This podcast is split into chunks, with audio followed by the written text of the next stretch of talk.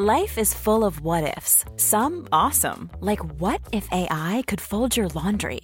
And some, well, less awesome, like what if you have unexpected medical costs? United Healthcare can help get you covered with Health Protector Guard fixed indemnity insurance plans. They supplement your primary plan to help you manage out of pocket costs. No deductibles, no enrollment periods, and especially no more what ifs. Visit uh1.com to find the Health Protector Guard plan for you.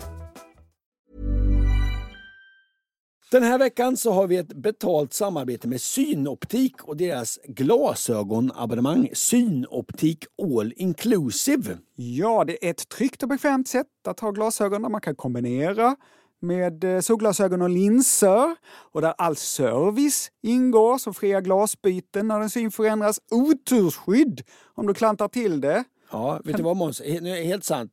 Bara i år har jag satt mig på två par glasögon.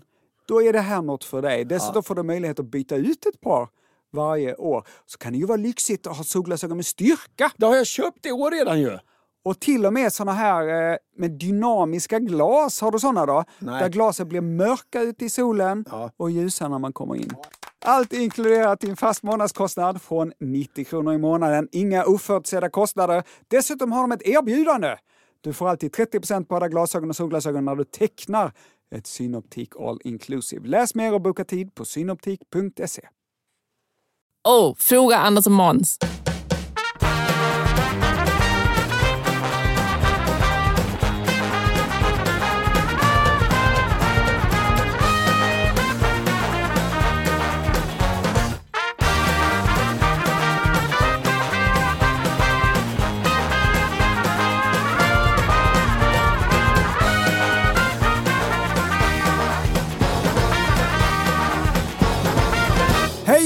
Hjärtligt välkomna till podden Fråga Anders och Måns. Jajamän. Ankan Johansson, Ja.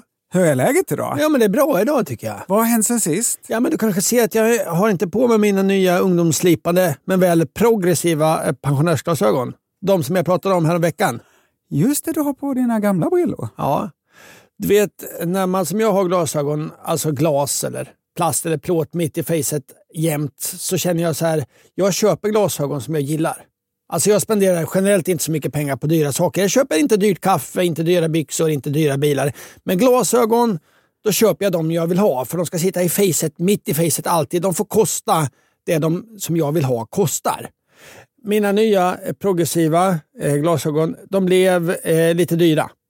Eh, också för att själva glasen är lite extra dyra om man ska ha progressiva glas. Ja, är superdyra. Varför har jag inte på mig dem? För att du har svårt att vänja dig. Jag köpte progressiva glasögon för att jag inte skulle behöva ta av mig glasögonen varje gång jag måste titta på något på nära håll. För när jag hela tiden måste ta av mig dem så är det så lätt hänt att de försvinner. Jag lägger dem på olika ställen och så går jag iväg. Okej, okej. Det dumma med progressiva glasögon är att det tar lite tid att vänja sig, så istället för att inte ta av sig dem hela tiden tar man av sig dem hela tiden. Så nu har jag förlagt mina glasögon Nej! någonstans. De är väck! Så hittar ni jättefina glasögon någonstans i Göteborg. I Göteborg, inte ens hemma. Nej. Annars var jag ute och körde lite Ja, bil. herregud. Men du kanske kan ta dem på hemförsäkringen? Annars var jag ute och körde bil med mina barn. Våran bil, en roströd Peugeot från 2003, en bil som fungerat felfritt i sex år och kostade 6 000 kronor, alltså mindre än mina borttappade glasögon. Vi körde förbi eh, en skylt där det stod sommarrådel. Sommarrådel. Ja, och du vet hur det kan vara med mig. Ibland är jag sugen på att pröva saker. Alltså jag gillar att leka. Mina två tonårsdöttrar i baksätet de var inte lika sugna som jag på att testa sommarrådel. Eh, Men jag föreslog ändå, ska vi inte svänga av och testa lite sommarrådel? Varpå de svarade, nja. De ville hem, de var lite trötta efter helgen. Hur kan tonårsdöttrar inte vara sugna på att köra lite rådel? jag svängde av. Det visade sig att det var en ganska rejäl omväg. Överraskande lång. vi körde nästan 40 minuter Nej! från motorvägen innan vi kom Då fram. borde de, det är alltid så. När du, Ja. Om du sätter en skylt på motorvägen, sommarrådel, så måste du skriva ut antal kilometer. Samma med loppis. Ja, det blir roligt, sa jag. Mm. När vi kom fram hade det precis stängt. Nej! Jo. Ja, då åker vi hem, sa mina döttrar. De var ju trötta efter helgen. Mm. Och då sa du, kanske kan bryta oss in på sa rollen. jag. Eh, nja, precis nja, sa jag. Och eh, tjatade mig till att de skulle starta den här skidliften igen så vi kunde bli dragna upp för den här backen.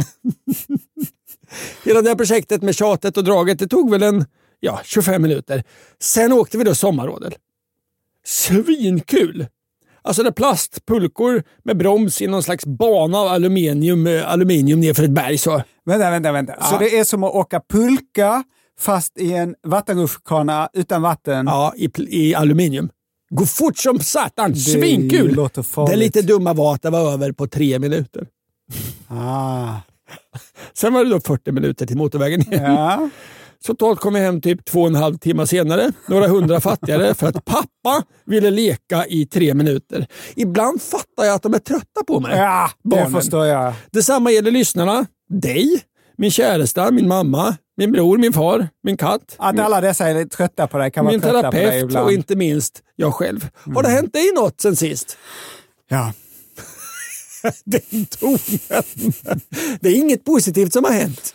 Jo, jo, Jo. jo. Jag har varit på konsert.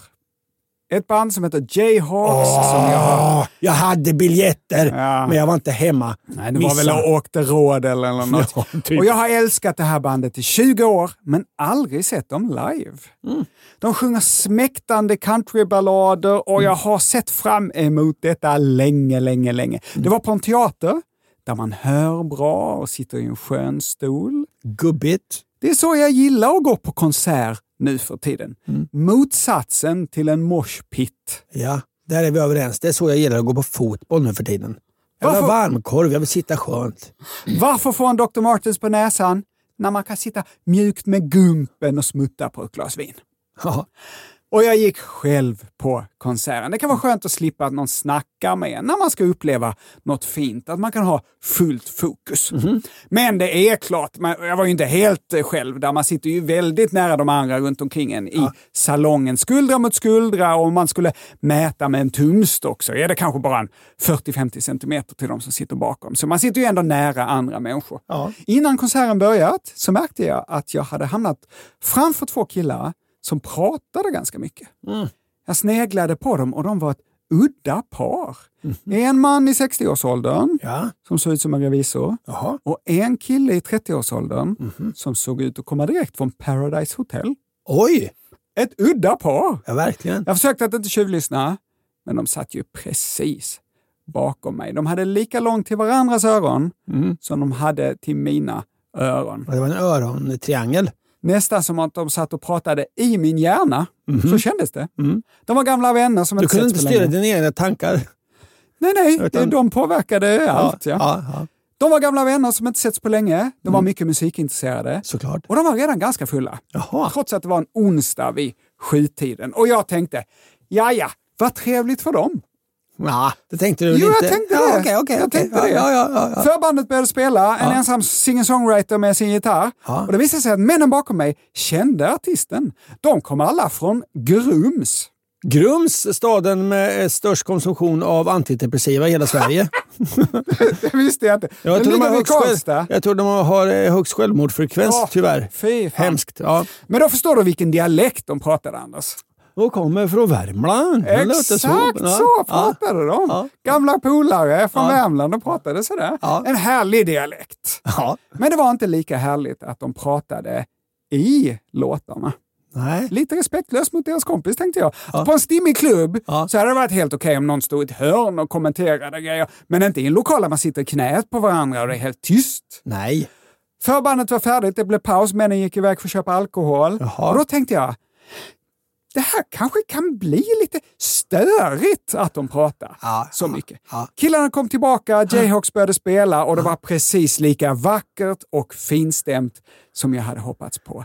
Stämsång med tre personer, underbara harmonier. Ja. Och värmländska då. Men Ja. grabbarna från Grums pratade nu oavbrutet, rakt igenom låtarna, hela låtarna från början till slut.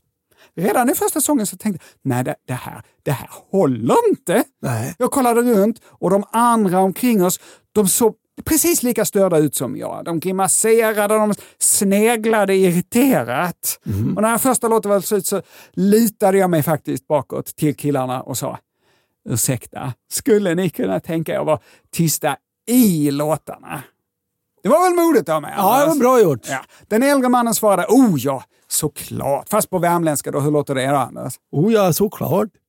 Bra! Ja. Och skönt att de tog det så bra, de här grabbarna. Ja. Och att jag nu skulle få njuta av musiken utan att sitta och reta mig. Men Kan problemet här ha varit att de hade druckit alkohol?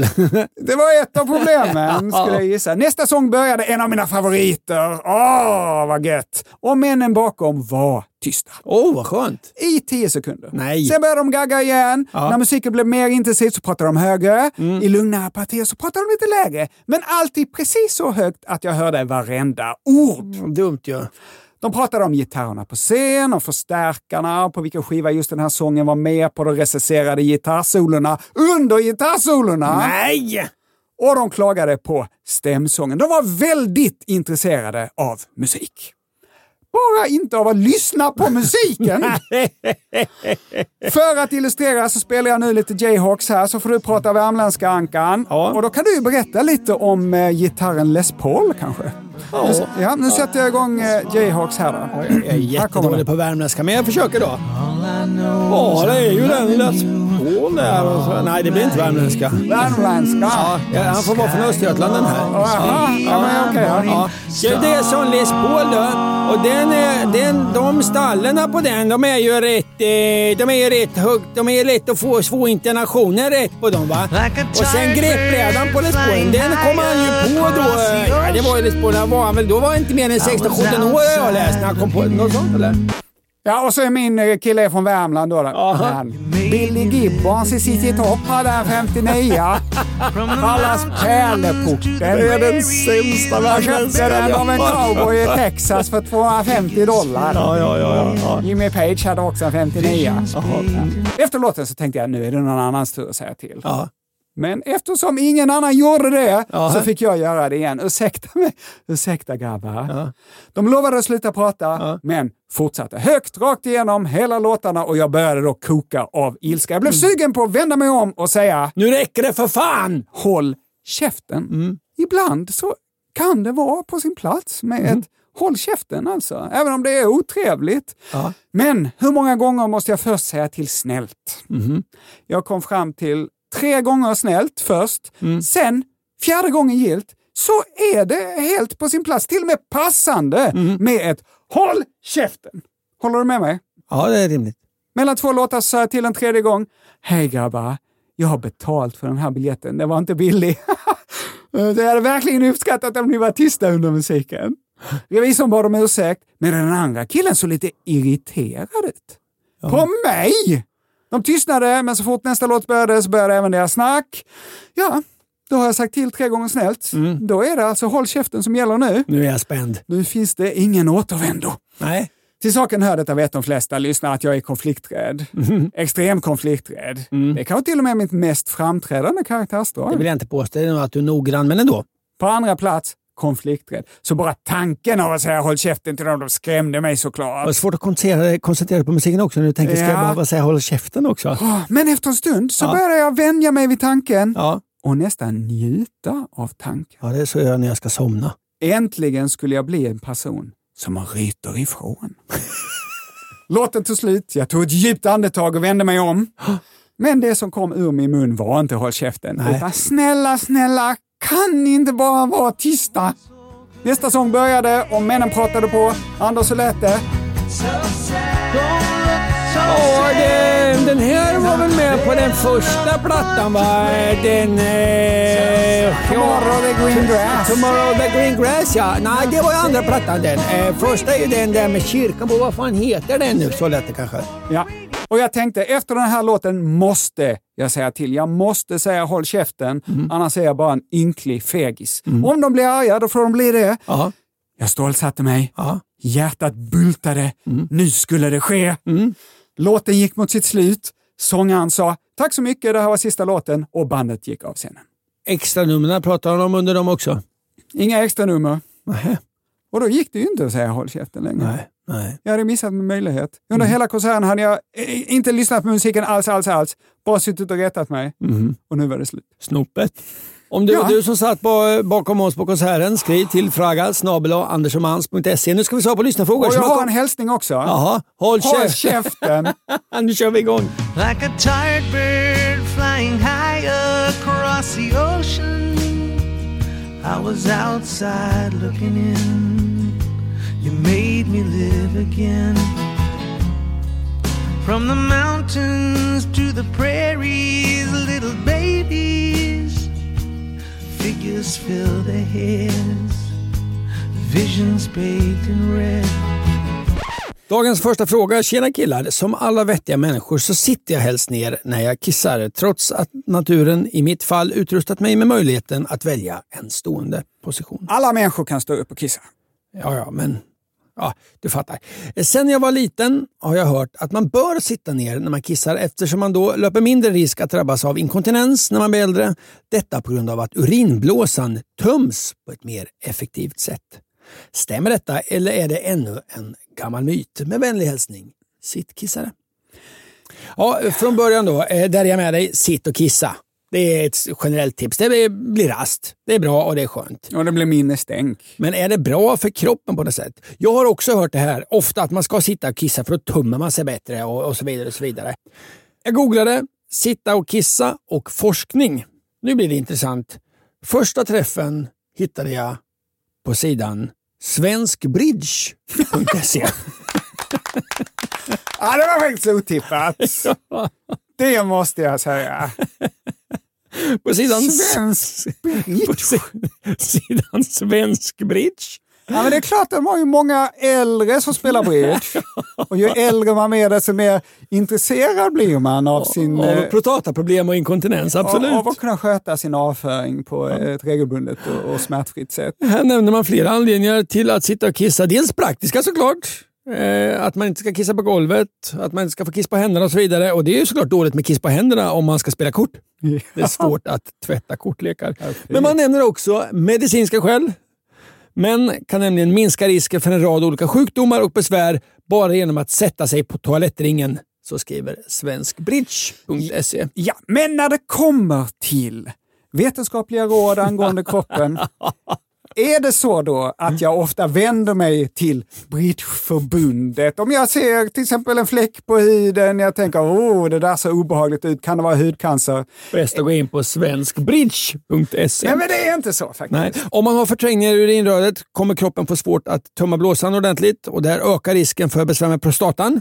Okej. Svensk Bridge hänvisar Ja, till en studie av forskare vid Leiden University Medical Center i Holland 2014. Jaha. Man har kommit fram till att män med besvär med de nedre urinvägarna blir hjälpta om de sitter ner. Om de sitter ner och kissar kan de göra det med ökad styrka och därmed undvika urinvägsinfektioner och besvär från prostatan. Jaha, ökad styrka om man sitter ner. Jag tror det var tvärtom eftersom liksom fallhöjden var högre. Sen intressant, också från sidan Svensk Bridge. När en män står och kissar så aktiveras muskler runt bäckenet och ländryggen. Man måste hålla kroppen stående ju. Och det här kan då hindra komplett urinering. Särskilt skriver Svensk Bridge på offentliga toaletter då man kan vara nervös för att släppa väder. Så man, så man kan ha en tendens, ska man ha en extra tendens att spänna muskler. Så att eh, Svensk Bridge och jag är överens. Sätt dig ner, kissa och njut av livet. Det är bra grejer. Är det slut på konstiga Google-resultat där?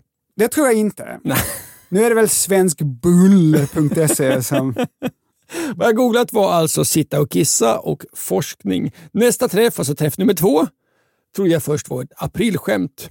Men nej, artikeln är publicerad den 11 juni 2012. Träff två kommer från Dagens Medicin. Inte så konstigt. Men rubriken.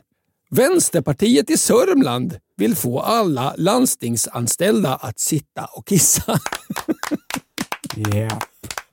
I ett första steg vill partiet markera toaletter bara avsedda för de som sitter och kissar. Vänsterpartiet i Sörmland anger två skäl, till, två skäl till det här regelförslaget. Det första för att ingen ska behöva trampa i urin som stående kissare lyckas skvätta på golvet. Ja, men precis. Jag fattar inte riktigt hur de gör det, men det är alltid skvätt framför toaletten på Men golvet. det, ja, men det är väl för att precis när det, på slutklämmen då så börjar det rinna bakåt på snoppen och så Ja. droppar den ner på golvet. Ja. Ja. Sen nämner också Vänsterpartiet medicinska rapporter eh, eh, som eh, då hävdar att eh, det minskar prostataproblem och i längden kan medföra ett bättre sexliv om man sitter och kissar. Ha. Ja. Så att summa summarum, sitt och kissa, det är bra i längden. Ja, det är sådana här små regleringar av hur man gör saker som män på högerkanten i politiken älskar. Att man, någon skulle komma in och bestämma att man måste sitta ner och kissa. Ja, Vi älskar... Det är Eh, faktiskt en bra teori att det var därför Vänsterpartiet gick, in. De, vet, de, visste att de retar gallfeber på Moderaterna i kommunen. om, de, om Moderaterna kokar ska staten i, i helvete inte bestämma hur jag kissar också. Nu får det vara nog. Massa skäggig vänsterpartist i manchesterbrallor som retades. Kanon!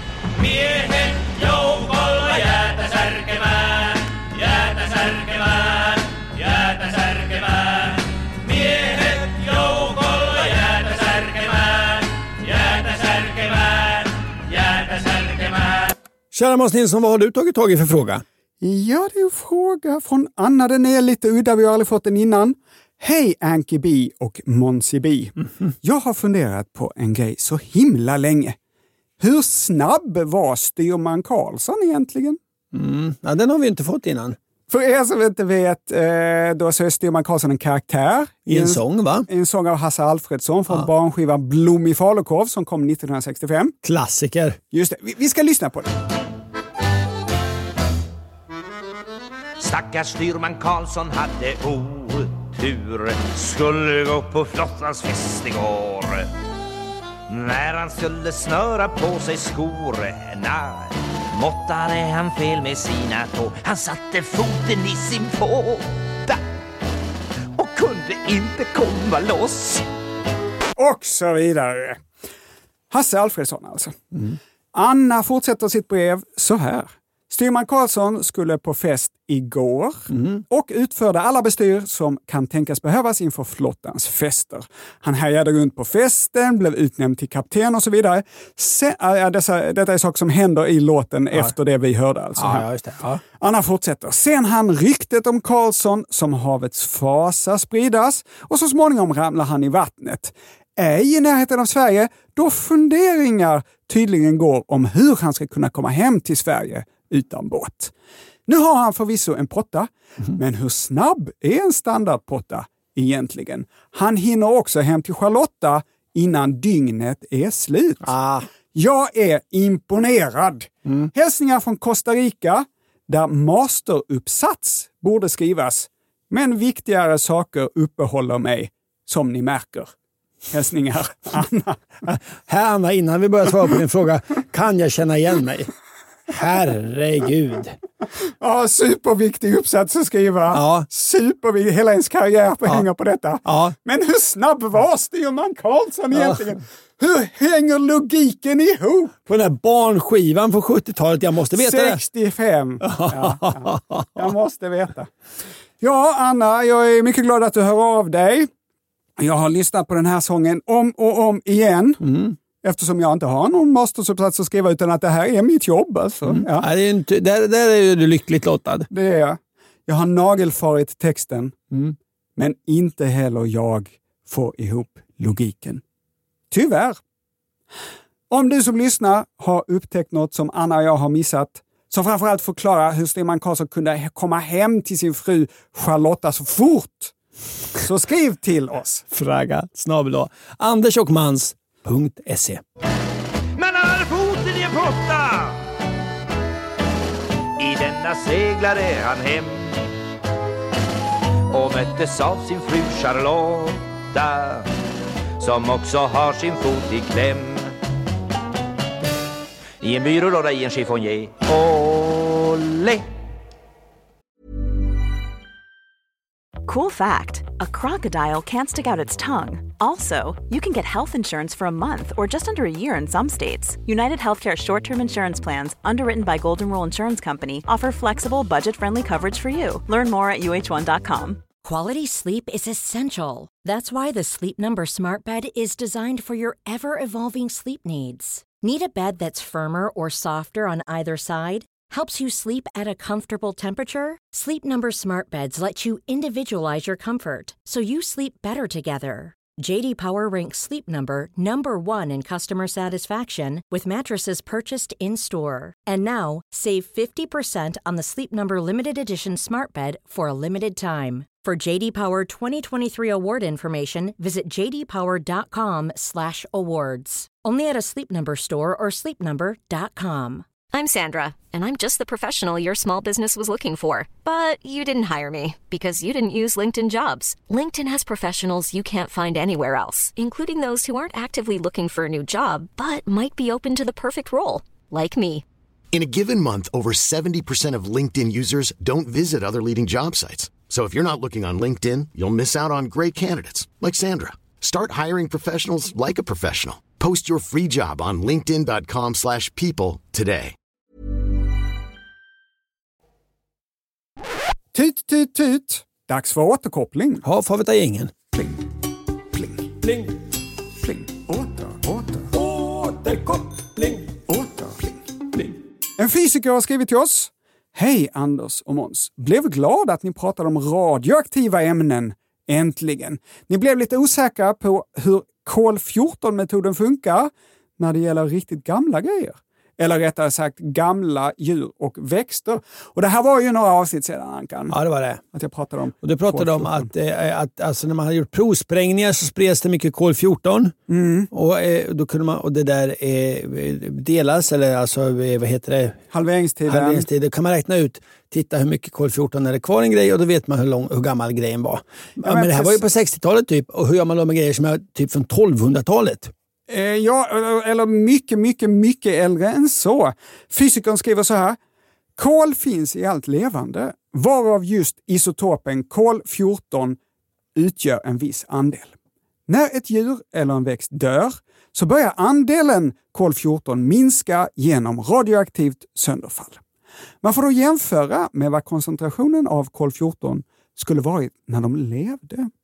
Eftersom kol-14 har en väldigt lång halveringstid, typ 6000 år, så kan man avgöra hur lång tid som gått sedan djuret eller växten levde. Förstår du Ankan? Absolut. Ja. Strålande hälsningar, en fysiker. Och om jag har förstått det rätt då, så om man hittar resterna av en död gammal ko, Ja. så mäter man koncentrationen av kol-14 i den. Ja. Och sen gör man samma sak i en levande ko. Ja. Och skillnaden berättar hur gammal den döda kon är. Men då borde det vara så här om man hittar en mammut. Ja, Ja, och man har ingen levande mammut att jämföra med. Men då får man väl anta hur mycket det hade varit i en, en nu levande mammut. ja, man kanske jämför med ett liknande djur, säg en elefant. Ja. Om den döda gamla kon har hälften så hög koncentration av kol-14 jämfört med den levande kon, så är den hur gammal Anders? 3000 år. 6000 år gammal. Nej, det har halverats på 6000 år, just det. Precis, Ja, ja. eftersom kol-14s halveringstid är cirka 6000 år. Tusen tack för detta klargörandet, en fysiker. Nu ska det handla om teater, Måns. Ja, du älskar ju teater ju. All finkultur älskar du. Nej, jag, ja, jag tycker om finkultur, men jag är rädd för människor som utövar det. Just det. Ja. Nu, lite- lever jag tillsammans med, nu lever jag tillsammans med en skådespelerska, Åh. så jag börjar vänja mig lite grann.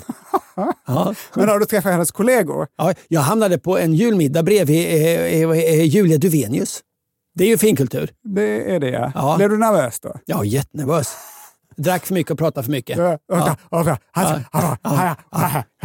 var trevlig. Hon var trevlig. Ja. Hej Anders Måns! Och tack för Sveriges näst mest pålitliga podd.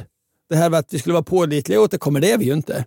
Jag har gått en tid och funderat över en sak. I avsnitt 66 nämnde Anders att han blivit utsatt för äggkastning.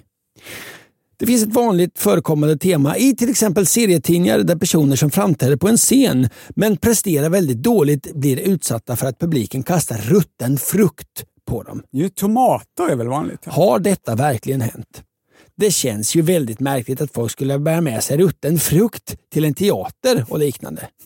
Jag har läst att det till exempel vid belägringen, belägringar har skett att befolkningen kastat rutten frukt på de belägrade styrkorna.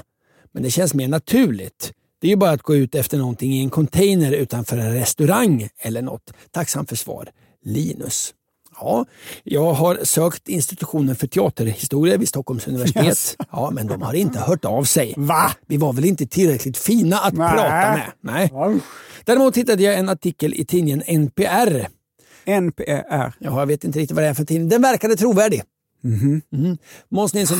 eh, På, på vad? På Nej, men jag kollar, typsnittet? nej, men jag kollar på... ju då jag kollar ju about us och sånt där. Jag försöker läsa. Men jag vet bara att det är tidningen NPR som står för det här. Är det en amerikansk tidning? Ja. En engelskspråkig? En engelskspråkig tidning. Jaha. Ja.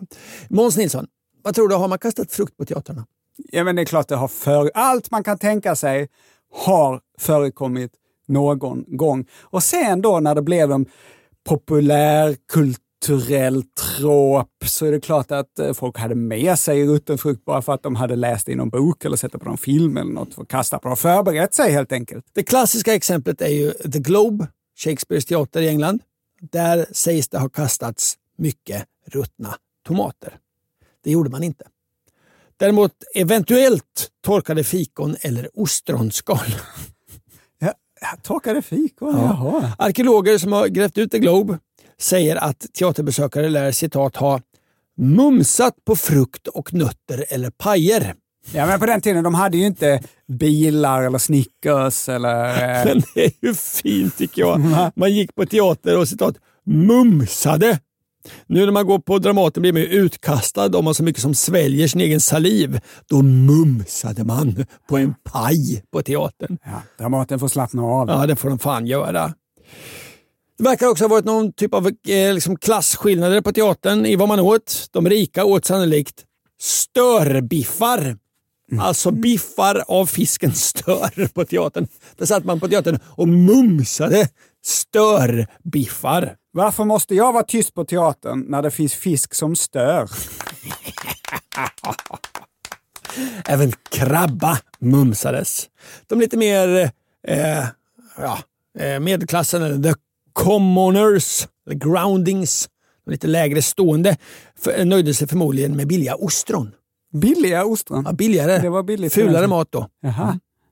Och då är det väl klart att bryska engelsmän då och då kanske kastar en ostronskal om pjäsen sög. Det är väl inte så konstigt. Men förmodligen var det då inte medhavd rutten frukt. Framför allt inte tomater. Varför då Måns? Ja, de hade kanske inte tomater på den tiden. Tomater kommer från den nya världen och dök upp i engelska kokböcker böcker först 1752. De fanns alltså inte i England när Shakespeares teater framförde sina verk. Gött, bra detta. Sen skriver ju Linus också om mat som någon form av liksom vapen mot belägringar. Mm. Den engelska mattidningen Bon Appetit. Den Låter, låter franskt. ja, den har ett franskt namn, är en engelsk tidning. Skriver om mat som protestvapen. En lång, lång artikel. När Ryssland invaderade Ukraina då först 2014 och annekterade Krim, då dök det upp bilder på, på, på ukrainare och även ryssar som kastade spaghetti på det rusta, ryska konsulatet i Ukraina. Jaså? Mm. Och tydligen var det en protest då mot de ryska mediernas bristande rapporter om oroligheterna. Ja. Enligt journalisten Alexander Kleimnov så berättar han då att både på ryska och ukrainska så betyder uttrycket att hänga nudlar över någons öron. Samma sak som att pull someone's leg, alltså att lura någon. Att hänga nudlar över öronen. Nu, Anders Johansson. Nu hänger- Det här tror jag inte på. Nu hänger du nudlar över mina öron. Så det var en protest mot de ryska mediernas bristande rapportering, att de så att säga inte berättade hela sanningen. ja, spaghetti var det. En symbol för... De la nudlar över öronen på folk. Ja. Men varför hänger eh, mat och protester ofta ihop Måns? Då finns det en Andrew Gellman som är professor i politisk vetenskap vid Columbia University. Han säger så här. Det är ofta i samband med protester eftersom mat är billigt, synligt och lättillgängligt. Ja. Dessutom är ägg och tomater billiga och lätta att kasta. ja, men de är väldigt kastvänliga. Ja. Dessutom säger han är mat non-violent. Alltså det är ingen våldshandling. Det är mer symboliskt våld. Och en polis då skulle framstå som väldigt våldsam om hen sköt mot någon som kastade frukt. Det är samma sak. Om man är på väg till en våldsam demonstration Ja. och blir stoppad och någon eh, börjar kroppsvisitera en. Mm. Om de då hittar en gatsten eller en molotovcocktail, då eh, är det ju fara på färde, då blir man intagen och arresterad. Men om de däremot hittar en tomat, då kan man ju hävda att den här ska äta. Man ska lite tomater och fisk. Man ska hem och göra en god bouillabaisse bara, kan man Exakt. hävda. Absolut. Ja. Men matvåld, det har en lång historia. Första dokumenterade fallet av matvåld, vet du vad det är Måns? Nej, jag vet inte detta. Det är 63 efter Kristus. Vespanius, då Afrikas guvernör, senare kejsare av Rom, han fick rovor kastade på sig av folket i Hadretetrum. Hadrumteum. De var arga för att det var matbrist. De var arga för det var matbrist Och så kastade de- kastade mat. Ja, i, på- ibland är folk inte... Ja, folk Men de hade säkert på fötterna, det var säkert matbrist. Ja. Det finns skrönor om att på medeltiden så sattes vissa fångar i speciella läger där man kunde bli konstant nedsulad av ägg. Men det var medeltiden och folk var inte så snälla generellt.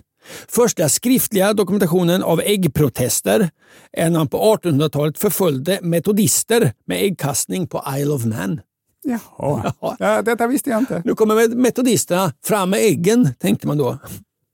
2004 blev Ukrainas dåvarande president Viktor Janukovyč så hårt attackerad av en ägg att han fick föras till sjukhus. Det måste ju vara Oj. förnedrande att bli så sjuk av ett ägg att man måste åka ambulans. Ja, ja. Lyckad matprotest. 2013 så hotade en grupp demonstranter i London att täcka den tidiga premiärministern Margaret Thatchers kista i ägg. Ja, Hon var ju inte så poppis. nej. Nej, men det var, det ökade, man ökade säkerheten och man lyckades, misslyckades med att kasta ägg. Att Just täcka det. kistan med ägg. Just det. Tomater då? Jaha, det kastades alltså inte på skådespelarna på The Globe. För att tomater som sagt fanns inte då i England. Men PETA, alltså de som eh, pro- eh, djurrättsorganisationen, de är väldigt kända för att kasta just tomater tydligen. Jaha. Jag trodde mer det var målarfärg, röd målarfärg som symboliserar blod på fasader och på folk som bär pälsar. Och sånt. Och just så finns det ju en, liksom en inneboende röd splash-effekt i tomaten Ah. som gör tomaten lite extra teatralisk. Att det ser ut som blod? Du känner till byn Bynol i Spanien? Mm, nej. Jo, det är den där byn där eh, det sägs att de arga medborgarna en gång i tiden kastade tomater på sina rådsmän. Och idag firas det här varje år på La Tomatina, den här festivalen där deltagarna kastar 100 ton tomater på varandra. Ja, om ni inte har sett bilder från toma- den här tomatfestivalen så googla det genast. Vad heter den Ankan? La Tomatina. La Tomatina. Så matprotester är bra för att det är icke-våld, det är effektfullt och det är billigt, lätt att få tag i och lätt att kasta. Så det är en liten rekommendation från Fråga Anders Måns-redaktionen. Slåss med frukt.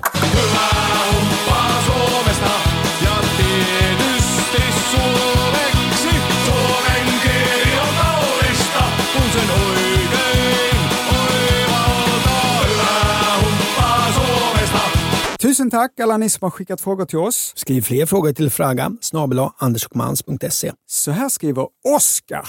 Hejsan Anders och Måns. Rymden porträtteras ju titt som tätt i såväl böcker som filmer och tv-serier.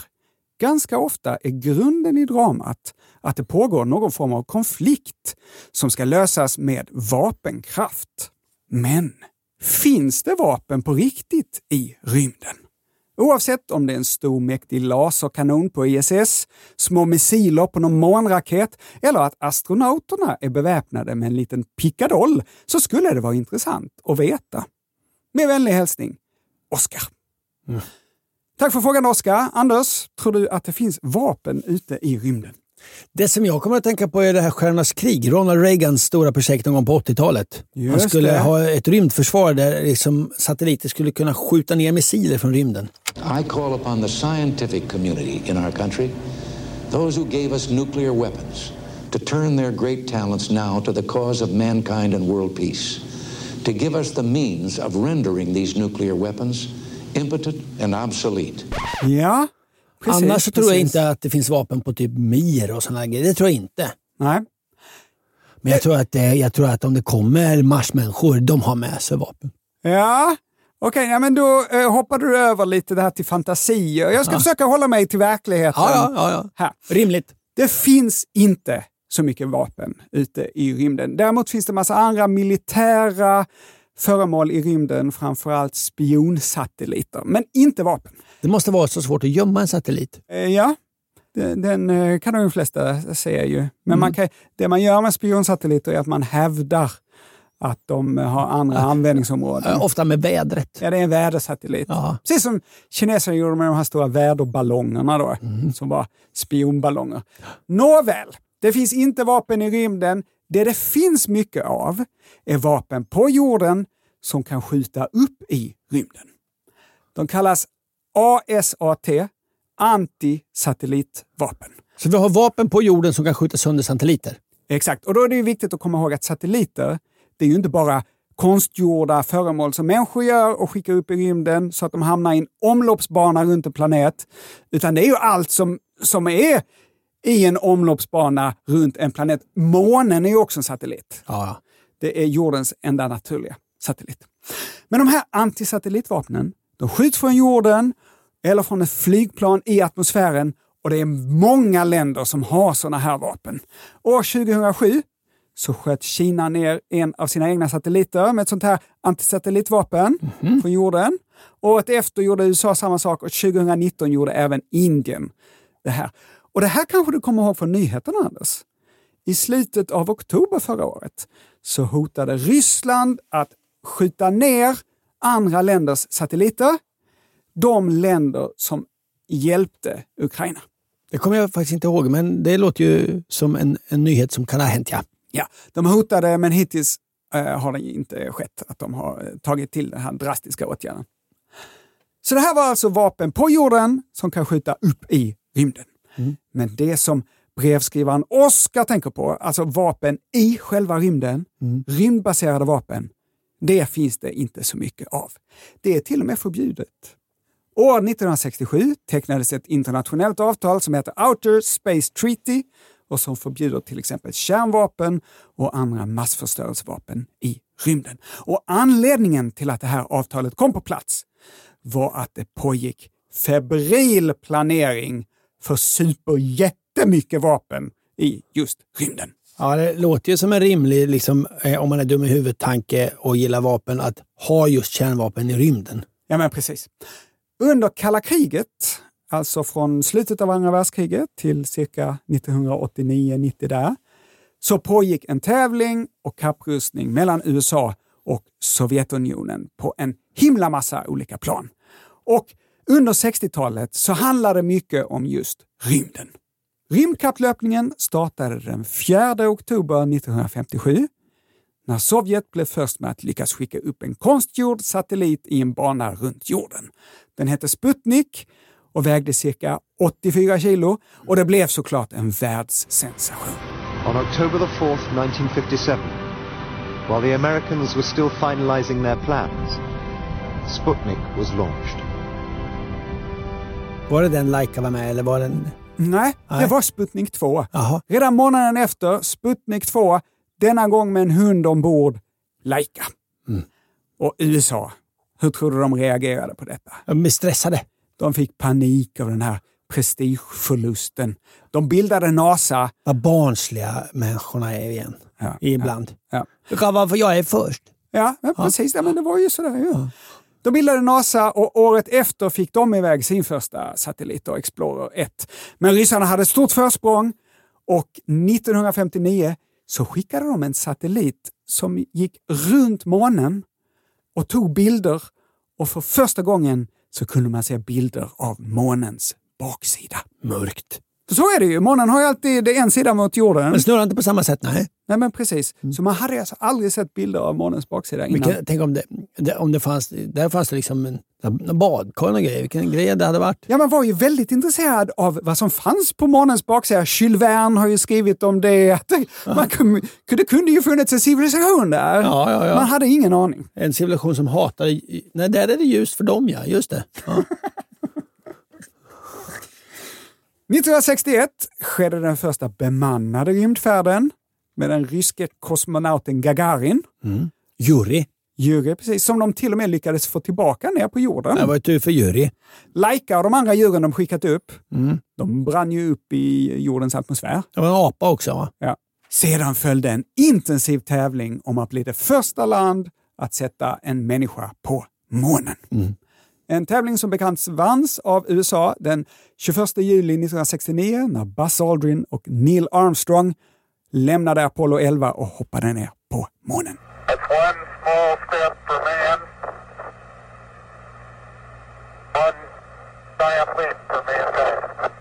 Mycket, mycket mer på kardborreband. Förlåt? Mycket mer på kardborreband. Som de?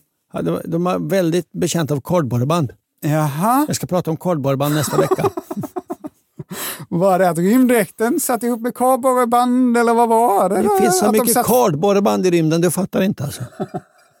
Och du fattar inte vad feta den nya framtidens kardborreband är. Ja, Det är, blir det, nästa vecka, lite cliffhanger. är det fortfarande samma princip som eh, tistelns eh, frukt? Ja, ja. Finns både och. Finns nya också. Framtid, jag kommer också prata om framtidens kardborreband. När Sovjetunionen inte lyckades bli först med det här sätta en person på månen så låtsades de att det aldrig var särskilt viktigt för dem. Nej. Vi vill ändå inte det där. Nej. nej, nej, nej. Istället blev de 1971 först med att skicka upp en rymdstation. Alltså ett hus i rymden. Ja, man hus, kunde- hus vet Ja, jag inte. Ja. en Husliknande konstruktion i rymden som man kunde åka fram och Något man, tillbaka bara, till. man, man kunde vara i. Ja, och som man kunde åka till, vara i, Ja. lämna. Åka hem. Exakt som ett Ja. hus. Som ett dagis för astronauter. Stationen hette, Fast mycket längre dagar. stationen hette Saljut 1. Var eh, ganska liten, 15, 15 meter lång, 4 meter i diameter. Man får ju inte plats så många kosmonauter i den där. Nej. Nej. Vet du vad Kinas astronauter heter? Detta vet jag. Taikonauter. Snyggt Måns. Applåd! Tack. Och nu kommer jag tillbaka till frågan då från Oskar om vapen i rymden. För på Saljut 3 Ja. så satte ryssarna fast en citat automatisk självförsvarskanon som skulle gå av om en rymdfarkost från ett fientligt land närmade sig rymdstationen. Och jag kan inget om vapen, men så här står det. Det var en 23 mm kanon som kunde skjuta 32 skott i minuten och hade en räckvidd på 3 kilometer. Så detta är alltså ett vapen i rymden. Mm. Men den, finns, den Saljut finns väl inte kvar? Nej. Och problemet var att ryssarna kunde inte testa den här kanonen i rymden. Nej. Kan du räkna ut varför han kan? Han fick väl rekyl och, och eh, den skulle börja åka åt andra hållet. Att hela rymdstationen skulle... Börja backa. Ja, exakt. Så om kanonen avfyrades så skulle hela stationen skaka och detta skulle potentiellt kunna påverka omloppsbanan eller i alla fall ändra orienteringen på hela stationen. En fördel med kardborreband är ju att vi, när saker och ting skakar Ah, så fäster hårdare. Till skillnad mot en knut som kan skaka upp. Kardborreband fäster hårdare när det skakar. wow! Var försiktig nu så du inte droppar alla spännande kardborrefakta om du tänkte prata om jag i nästa avsnitt. Ja, ja, ja, ja, ja. Först efter att eh, den här eh, stationen var färdiganvänd så avfyrade de eh, kanonen. Och enligt Wikipedia är detta citat. Det första och hittills enda vapnet som avfyrats i rymden. Jag har ingen aning om detta stämmer, men så står det i alla fall eh, på Wikipedia. Ja. Om du som lyssnar vet mer om detta, skriv till oss och berätta. Fraga snabel-a andersochmans.se. Men den här rymdkapplöpningen, det var ju också en militarisering av rymden. Ja. Mängder av militära spion och kommunikationssatelliter skickades upp och det fanns stora och långtgående planer på att också skicka upp supermycket vapen. Här är några exempel.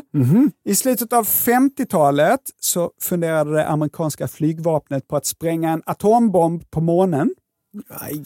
för att visa USAs överlägsenhet gentemot Sovjetunionen. Återigen vad barnsliga folk är. 1959 undersökte de om man kunde bygga en militärbas på månen med en underjordisk flygvapenbas. Ja, Som bekant så blev aldrig detta verklighet. vad vi vet. År 1983 föreslog den amerikanska presidenten Ronald Reagan, det där som du pratade om, en superavancerat, superdyrt rymdbaserat system för att skydda USA från attacker av strategiska kärnvapenmissiler. Den här planen fick smeknamnet Star Wars eller Stjärnornas krig va? Ja, men precis. 1987 försökte Sovjetunionen skicka upp en obemannad vapenplattform i omloppsbana runt jorden, men misslyckades. Varför det? Alltså 87, det var sent. Ja. saker gick sämre Ja. i, eh, i Sovjetunionen. Det finns faktiskt eh, eh, ja, eh, bilder på Instagram, de här, deras eh, rymdprogram. De har ju eh, så rymd, rymdskepp som ser ut väldigt mycket som, som eh, de amerikanska rymdfärjorna. Ja. Men de kommer aldrig iväg och de står i en hangar som är liksom helt sönderfallen och överväxt. Det är väldigt fascinerande bilder. Wow. Men den här vapenplattformen var i alla fall designad för att ha rekylfria kanoner, en megawatts koldioxidlaser. Vad är det? Ja, vad är det? låter ju coolt, men vad är Ja, det? Just koldioxid låter ju inte så coolt. Det det är sånt man dricker. Koldioxidlaser låter väl coolt? Ja, ja, ja okej. Och eventuellt kärnvapenminor. Men så tur är så föll Sovjet, kalla kriget avslutades och därmed blev det mindre intressant att ha vapen i rymden. Avslutningsvis, Oskar frågade om astronauter har pickadoller på sig de när de inte? åker iväg. Vad tror du Ankan? Det tror jag absolut inte. Det har de inte. Men de hade det.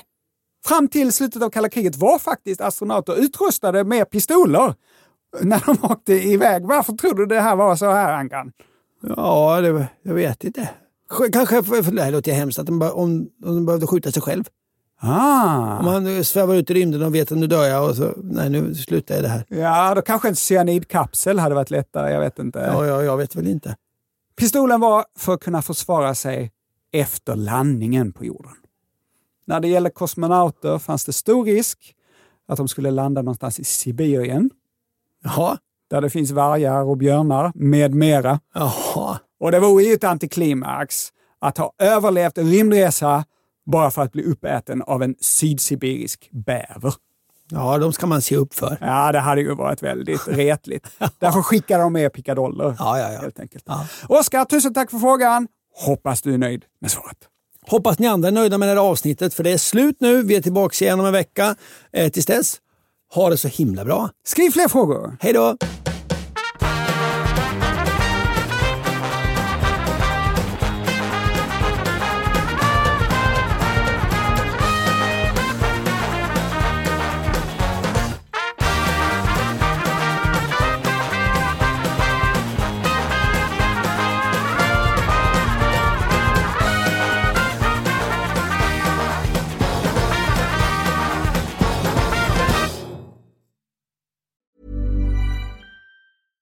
Even when we're on a budget, we still deserve nice things.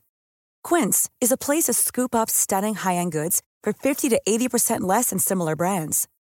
They have buttery soft cashmere sweaters starting at $50, luxurious Italian leather bags, and so much more. Plus, Quince only works with factories that use safe, ethical, and responsible manufacturing. Get the high-end goods you'll love without the high price tag with Quince. Go to quince.com slash style for free shipping and 365-day returns. Vill ditt företag sponsra den här podden? Mitt företag. Maila då till sales.se acast.com.